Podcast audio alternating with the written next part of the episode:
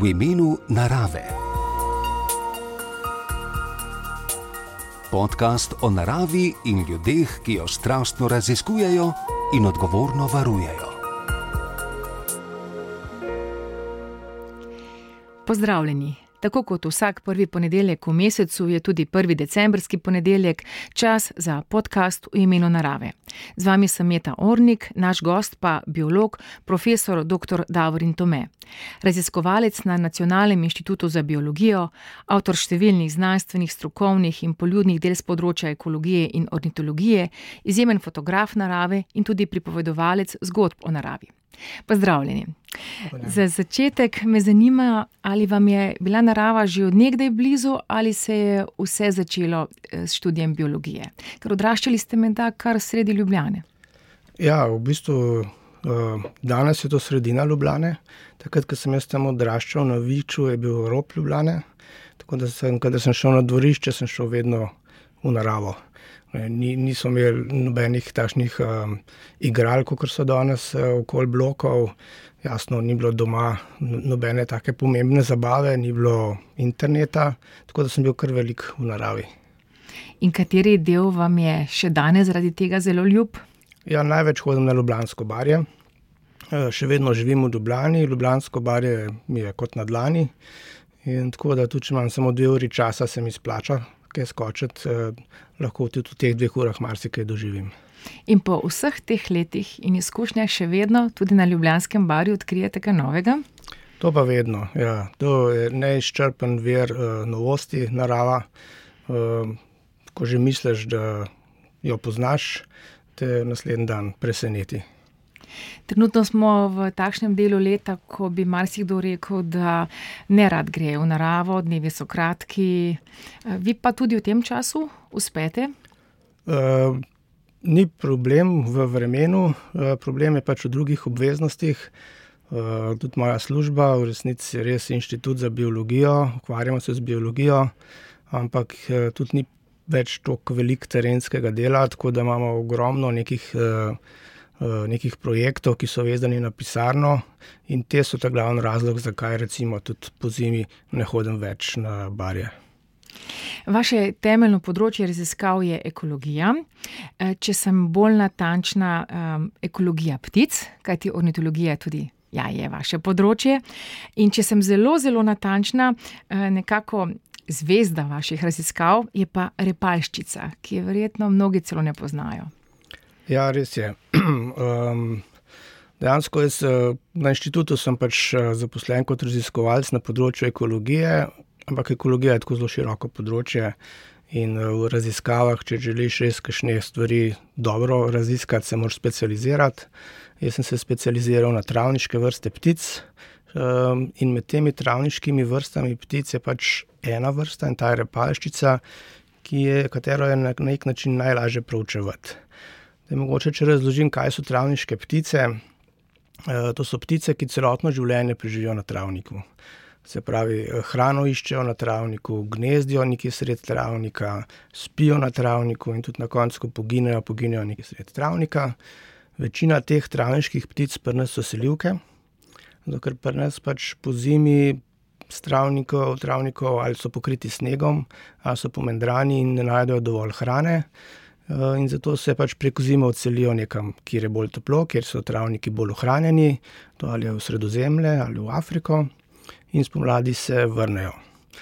In veliko teh travniških vrst dejansko živi prav na tleh, skritih eh, med travnimi bilkami, in tako ptico je načeloma zelo težko proučevati, ker je večino časa sploh ne vidiš. No, ta repalščica je pa uh, izjema, oziroma še ne par takih vrst je, ki pa živi v bistvu na vrhu travnih bilk, vse čas poseda na teh bilkah, tako da jo lahko opazuješ oddaleč tudi cel dan, si zapisuješ, kaj dela in pač na tak način vodiš svojo raziskavo. In seveda naravo raziskujete zato, da bi pomagali tudi k temu, da določene vrste lahko ohranimo. Repaščica je tudi ogrožena. Ja, eh, te travniške vrste ptic so v bistvu v Evropi oziroma posod v razvitem svetu ene najbolj ogroženih vrst ptic. Uh, ravno zaradi tega, ker, so, ker živijo na travnikih in tukaj je da on danes tako močen konflikt s kmetijstvom. Travniki se pač, travniki se gospodar, kmetje travnike kosijo in jasno, če ptica gnezdi na travniku, ki je pokušen, s tem gnezdo propade, ni mladičev, ni potomcev, ki bi nadomestili stare osebke, ki poginejo in zaradi tega se populacije zmanjšujejo. Zdaj, glede na dosedanje raziskave, kakšno prihodnost napovedujete repalščici in drugim uh, vrstam teh travniških ptic, upate sploh napovedati? Ja, zdaj sem pozabil kristalno kroglo doma, tako da je zelo težko. Uh, ampak načeloma uh, te obeti niso prav dobri. Uh, sigurno se bodo populacije še zmanjševale, zdaj noben pa ne more vedeti, da bojo posebej zginile ali bojo nekje jih nekaj še ostalo. Slej, ko prej bo pa mogli priti do trenutka, ko se bodo stvari začele obračati na boljše. Ne? Samo nihče točno ne ve, da bo to čez 10 let, čez 50 let, težko napovedati. Tisto, kar se meni zdi pri vašem delu izjemno zanimivo, je to, da ne samo, da ste raziskovalec, ki že leta in leta sledi naravi, ampak da znate o naravi tudi zelo lepo pripovedovati. Pripovedujete zgodbe, recimo o, o romancah v Močvirju ali pa spletete zgodbe o jatah Pinoš. Odkot ta navdih, torej narava že navdih, ampak ni vsak biolog pripovedovalec zgodb. Ja, nekaj je pač očitno imam. Uh nekaj podedvano, nekaj tazga, sicer ne vem točno od koga. Uh, moji starši niso bili pesniki ali pisatelji ali kaj tazga. Ampak eh, predvsem me pa motivira to, ker pač vidim te probleme v naravi, ki jih je treba reševati. In v bistvu edini način, da tak problem rešiš, je, da ljudem na nek način razložiš to problematiko. Ne? Se pravi, da prideš do njih, da jim poveš, kaj je narobe. Se pravi, ljudje te morajo zato poslušati. In če želiš, da te ljudje poslušajo, moš pač pristopiti do njih na nek tak način, da jim bo zabaven, da jim bo prijeten. Uh, in to je potem to, ne, da se naučiš te zgodbe pripovedovati na preprost način, ki jih ljudje razumejo in ki jih potem recimo tudi uh, povzamejo in prenašajo lahko naprej. In seveda te zgodbe opremite tudi z izjemnimi fotografijami. Tukaj smo pa zdaj že pri vašem hobiju, ki je usporeden, pa hkrati tudi prepleten z vašim biološkim raziskovalnim delom. Ja, te fotografije, jaz temu rečem, da to nisem jaz, to je moj alter ego. Uh, ker zato, da lahko pač delaš dobre fotografije, je doska treba odklopiti uh, vse te službene dejavnosti, se je treba malo oddaljiti tudi od družine, da se potem s fotoaparatom v naravi posvetiš samo fotografiranju. Eh, to dejansko to je moj hobi, ki pa ga k sreči lahko kombiniram tudi s eh, službo. Eh, sem relativno velik na terenu tudi in na terenu, ko sem pač opazujem stvari in kadarkoli je zanimivo opazim, si to zapomnim, tako da grem lahko popovdne ali pa čez vikend na tiskovnici in potem stvari tudi pofotografiram. Ampak, seveda, ko gre za fotografiranje motivov v naravi, je potrebna, predvsem ob sveda znanju, uh, velika, velika potrpežljivost. Ja, to je uh, največja skrivnost uh, za dobro fotografijo, je, da si vzameš čas, ne, oziroma temu lahko rečemo tudi potrpežljivost. Ne. V resnici dve stvari sta tako, ne, ki sta pomembni.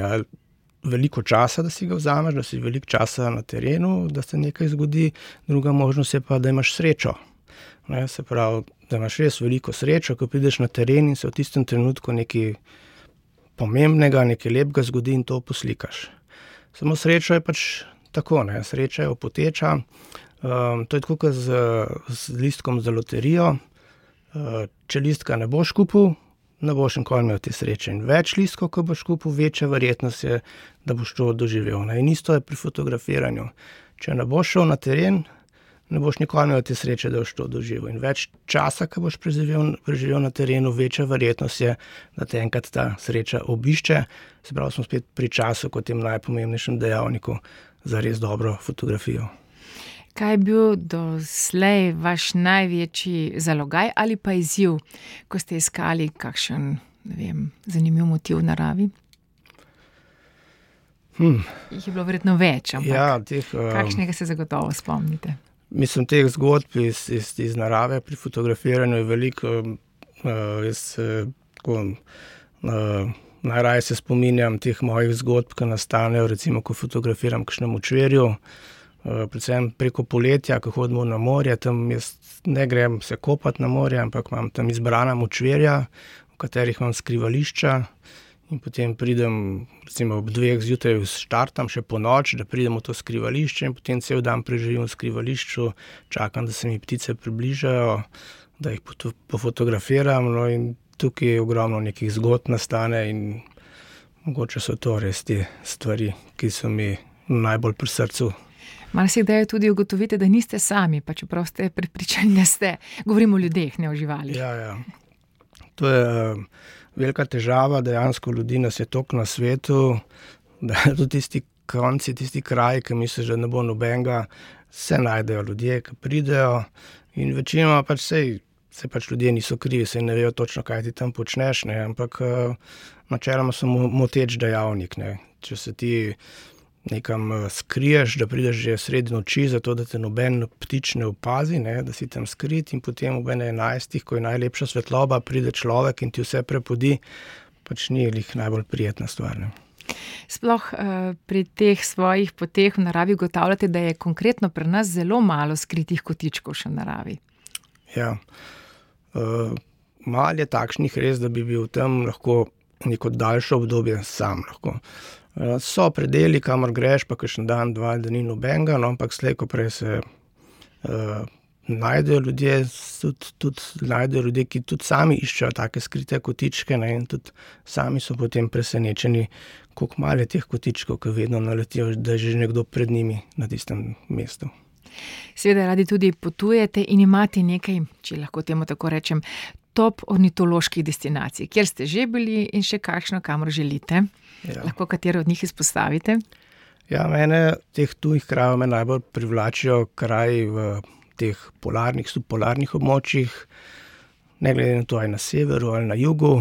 Tako da vedno grem rad, recimo, na Islandijo, eh, tako eh, kraj, eh, ki je zaenkrat, ki se mi je zdel tako najbolj čudovit, oziroma ki se mi zdi, da sem doživel največ teh svojih skritih želja, kjer, sem, kjer so se mi uresničile, eh, so bili Falklandski otoki, to je na južni polovici. So pa seveda potem še kraji, ki si jih želim, ampak nekako pažam, da zelo verjetno do njih ne bom prišel, ker pač taka potovanja niso poceni. Eh, in finančno, in, in tudi časovno. Ne. Da greš na neko, daljše, eh, nekam, neko daljšo destinacijo, pač rabiš veliko časa in pač v tem tempu današnjega življenja ob službi si težko vzameš tudi toliko časa za tako daljše potovanje. Pol kasneje, ki si pa v penziji, pa ne vem, če si še sposoben tega. Ne. Konkretno na Falklandskih otokih ste imeli eno lepo bližnje srečanje s pingvini. To vam je zelo ostalo v spominu. Ja, sigurno. Ja. Pač, glede na to, da raziskujem ptiče, vedno so mi ptiči tisti na prvem mestu, kamor grem, čeprav z veseljem gledam tudi vse ostale uh, živalske skupine, pa tudi rastline in tudi pokrajine. Ampak dol na Falklandih je zelo posrečena situacija. Dol, uh, to, to je pač uh, nek sklop mehkih otokov. Običajno na vsakem od teh otokov je kakšna kmetija, da živijo ljudje. Eh, da je dostop do teh otokov samo z letalom, prideš tja in na teh otokih ljudje pač imajo svojo živino, ovce pasejo. Ne, in, in je zanimivo je to, no, da so v bistvu te ovce veliko bolj plašne kot ne prosto živeče živali, recimo ptice, uh, morski sloni in morski levi. Tem pticam se lahko približaš na pet metrov, pa ne bojo bežale. Ovce pa sam, ko se pokažeš na horizontu, že dirajo stran od tebe. Kar pogosto, pogosto. Nekajkrat ste bili tudi na Islandiji, mislim, tudi letos, in niste sledili samo pticam, ampak tudi ja. polarnim lisicam. Ja, ja. To je eno, uh, z ženo sem bila že parkrat na Islandiji in uh, tam pač teh dejansko na Islandijo izhodim v veliki meri zaradi ptic, uh, ker to je res eno območje, kjer je velika koncentracija teh ptic preko poletja. No, ampak v vseh teh najnih obiskih, ki so bili dol, mi je pa zmeri manjkala ta polarna lisica, ne, ki, ki načeloma na Islandiji tudi živi. Čeprav je res, da v večjem delu Islandije, uh, ki je malo bolj obluden, tam so jo, jo, v bistvu jih je relativno malo jih nisva srečala, tako da sva leto šla na en poseben konec, na polotok, ki je dostopen samo z ladjo, ne en, ki ni naseljen. No, tam so pa te populacije še velike in tudi lisice niso tako zelo plašne, tako da sem si prvošla tudi opazovanje polarne lisice. Sicer ni bila to tista polarna lisica v zimskem, v zimski dlaki, bela, zato ker so bila dol junija, ne, je bila že rjavo obarvana. To je neka naša splošna predstava, da so bile. Ja, ja. So, polovico leta približno so bele, ne, drugo polovico konec snega so pa rjave, no, ampak je kljub temu zelo, privlačna žival. Zanimivo je, da pogosto ne ločimo med ekologijo in varstvom narave. Pa je to zelo pomembno, ne. nam lahko čisto na kratko pojasnite oba pojma? Ja, v bistvu varstvo narave, bi rekel, da to je ena aplikativna veja ekologije, ne. Ekologija pač preučuje življenje na Zemlji, ne, kakšni so ti procesi, ti mehanizmi med vrstami, kako vrste lahko sodelujejo, v bistvu, kako si nasprotujejo, kako tekmujejo, kako se plenijo, kakšen odnos imajo nasploh do okolja. Varstvo narave pa v bistvu načeloma mora poznati vse te zakonitosti, zato da lahko s temi zakonitostmi potem, ljudje, na neki način tudi upravljajo s to naravo, ne. Zdaj ne smemo se slepiti, mi ves čas upravljamo z naravo, tako ali drugače. glavni problem je v tem, da pogosto ne vemo, kako z njo upravljati, da ji ne bomo preveč škodili, in tukaj pač varstvo narave črpa znanje iz ekologije, da bi se skušali čim bolj približati, temu, da pač, ljudje kot vrsta, da je naš, vpliv na okolje čim manjši. V pogovorih v tem podkastu s sogovorniki velikokrat pridem do vprašanja, ali je danes narava bolj popularna, kot je bila nekdaj, morda tudi zaradi velikega števila dokumentarnih filmov, zaradi teh možnih potovanj na različne konce, bi se vi s tem strinjali? Ja, popularna verjamem, da je, no, samo poznamo jo pa bistveno slabše, ne. popularna je pač ta narava, ki jo doživiš iz naslanjača, ta je zelo popularna, ne, saj so pač dejansko določene te televizijske hiše so, izpilile ta pristop do človeka, ne, da da te res prikuje na stol, da gledaš. Samo, nimajo pa ljudje ta pravega občutka v tem, ne, to doživeti v naravi ali gledati na televiziji, to sta dve čisto različni stvari, ne, in tega doživljanja narave, tega je pa bistveno manj, kakor je bilo. Imamo zaradi tega verjetno pogosto tudi neke romantične predstave o naravi? Ves čas, ja, jasno. zaradi tega tudi, ne vem, dandanes, ko je neki dokumentarni film na televiziji, obveščajo gledalce, da ni primeren za otroke, mlajše od petnajst let. Ne, to je v bistvu, se, vidi, da pač ljudje ne razumejo točno, kaj narava je in kako stvari v naravi potekajo, ne. Naravo seveda je na neki način treba tudi zavarovati in tukaj spet cel kup dilem. Do kakšne mere, koliko je nam ljudem to sploh prav in, koliko je tudi potrebno sploh naravo zavarovati, ker če jo bomo popolnoma zavarovali, bo to pravzaprav neki geto. Ja. Ja, predvsem se moramo, sprijazniti z eno stvarjo, ne. Vse vrste, ki živijo na tem planetu, imajo neki vpliv na okolje, ne, mi nismo tule nobena izjema, ne. Tudi navadna muha ima pač svoj vpliv in s tem svojim vplivom spreminja okolje, ne, edina težava je, da je ta naš vpliv tako zelo velik, tako zelo močan in tako vseskozi prisoten, da to postaja moteče za ostale vrste, ne, se pravi, pri tem varstvu narave mi ne smemo težiti po tem, da, da bomo, ta naš vpliv na naravo čisto povsem ukinili, ker ga ne bomo mogli, ne, samo na neki način ga moramo zmanjšati do te mere, da bomo, da bo, okolje primerno za življenje tudi drugim vrstam, ne. Pa bi se vi strinjali s tem, da pa pač določene dele vendarle popolnoma zavarujemo pred človekom, ker je to edina možnost, da recimo določene vrste ohranimo? Ja, sigurno, tako v, nekem določenem časovnem obdobju je to edina, edini način varovanja narave, čeprav to zdaj zelo težko reči, ne, tudi, tako med strokovnjaki različne filozofije varstva narave obstajajo, eni so za ta način, ne, da se čim večji del zavaruje popolnoma, da človeka se niti ne spusti noter, drugi bolj zagovarjajo dejstvo, da sploh ne bi bilo zavarovanih območij, ampak da bi na celotni površini z neko milo obliko varovanja pristopali. Tako da je zelo težko zdaj uh, reči, kaj je bolj uh, učinkovito. Ampak dejstvo pa je, če bomo neke stvari povsem odrezali od ljudi, da jih ljudje ne bodo mogli niti opazovati, jih bo zelo težko prepričati, da jih je treba varovati. Ne.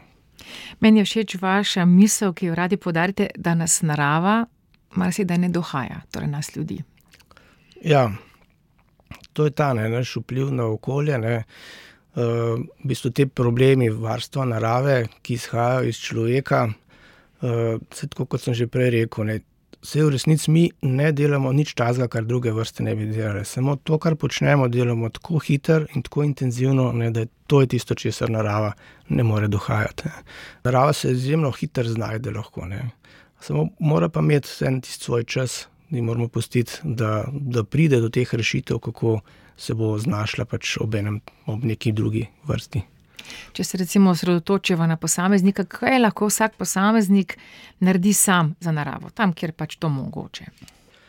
Ja, jaz mislim, da bi vsak posameznik bi bilo zelo fajn, da bi nekako uh, ta svoj odnos do narave spremenil. Ne? Se pravi, da ne bi narava za njega bila pač nekaj drugorazrednega, ne? nekaj. Uh, kar, kar je pač tam zunaj, ne, ampak da, da bi na nek način ljudje dojeli, da smo v bistvu na tem svetu neke vrste partnerji, ne, in mi, in narava. Ne, zato, ker v bistvu uh, se mi ne moremo preživeti brez drugih vrst. Ne, tudi načeloma večino, večina ljudi uh, zna našteti par vrst, brez katerih ne moremo preživeti, ker jih pač vem, ker nam delajo kisik, ker, ker, ker jih imamo za hrano. Ampak, če enkrat malo bolj razumeš, da uh, v bistvu to življenje na Zemlji, vidiš, da v bistvu niso samo te vrste pomembne, ne, ampak da so pa te vrste, ki jih mi neposredno izkoriščamo, odvisne tudi od drugih vrst in ta način je celotna narava povezana med sabo. Ne. Tako da smo na nek način ljudje odvisni praktično od vseh, ne čisto od vseh, no, ampak od velikega števila vrst. Ne. In če želimo pač neko normalno življenje naprej, je čim prej treba en tak partnerski odnos do teh ostalih vrst izpostaviti. Pa to seveda ne pomeni, da jih zdaj ne smemo več jesti ali karkoli. Jasno, to je del narave, mi to moramo. Ne? Ampak da jim pustimo tudi eh, prosto pot, da lahko pač sobivajo z nami. Mislite, da bi k temu lahko prispeval tudi vsaj malo bolj enostaven način našega življenja? Ja, sigurno. Ne? Veliko bi prispeval k temu, če ne bi več strmeli tem za. Uh, stalno gospodarsko rastjo, ne, se pravi, da vsako leto, da mora biti več. Ne, to je ena stvar, ki jo jaz v resnici sploh ne razumem. Ne, si predstavljam, da vsaka stvar ima svojo mejo, no, ampak tukaj se pa vedno teži po tem, da bi bilo vedno več in vedno več. Pa razumem, ne, da lahko to vedno več delaš na račun. Eh, bolj kvalitetne proizvodne, sem pa res pa to vedno več izhaja iz tega, da se vedno več tudi izkorišča iz narave. Ne? Se pravi, da se vedno bolj pritiska tudi na, na to, te prosto živeče vrste. Ne? In to, to pač ne more iti v nedogledne.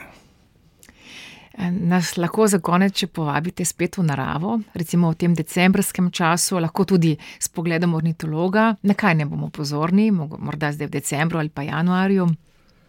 Ja, tako, tak najlažji način za opazovati naravo po zimi, eh, pa da recimo ni treba prodajati od mesta, so pač te vodne površine. Eh, preko zime številne te vodne vrste ptic, kajšne race, gosi, labodi iz severnih delov Evrope se omaknejo proti jugu in jim je pa nas čist lepo. Tako da se kar naberajo na teh vodnih površinah, zdaj če le ni preveč mrzlo, da voda ne zamrzne so kakšne te uh, območja, kjer so večje vodne površine, ne vem, Zbilsko jezero, tudi na Bledu, Cerkniško jezero, če je voda not, pa ni zamrznjeno. Tukaj se kar v večjih količinah te živali naberajo, no, tako da jih je veselje pogledati. No. Ne škod pa, če imamo kakšen denogled s sabo. Tudi, ja. Katere ptice pa vi v tem času nestrpno čakate? Ja, jaz čakam spet na te repaščice, sam one se vrnejo tam nekje v začetku aprila, v sredo aprila, tako da imam še nekaj časa. Ja. Doktor Daurin Tome, najlepša hvala za tale pogovor. Vidim, da bi ga lahko še raztegnila. In želim vam, da bi imeli eh, malo več časa za terensko delo, pa malo manj pisarniškega dela in da bi si lahko resničili tudi tiste potovalne želje, ki ste jih prej vse približno navedli. Ja, zelo lepe želje, nekaj hvala. V tokratnem podkastu v imenu narave je bil naš gost, biolog, raziskovalec, profesor dr. Davorin Tome, z njim sem se pogovarjala Meta Ornik. Podkastu MMC-ja v imenu narave pa lahko prisluhnete spet prvi ponedeljek v januarju, spremljate pa nas lahko tudi na podstrani rtvslo.js, pošiljnica v imenu narave.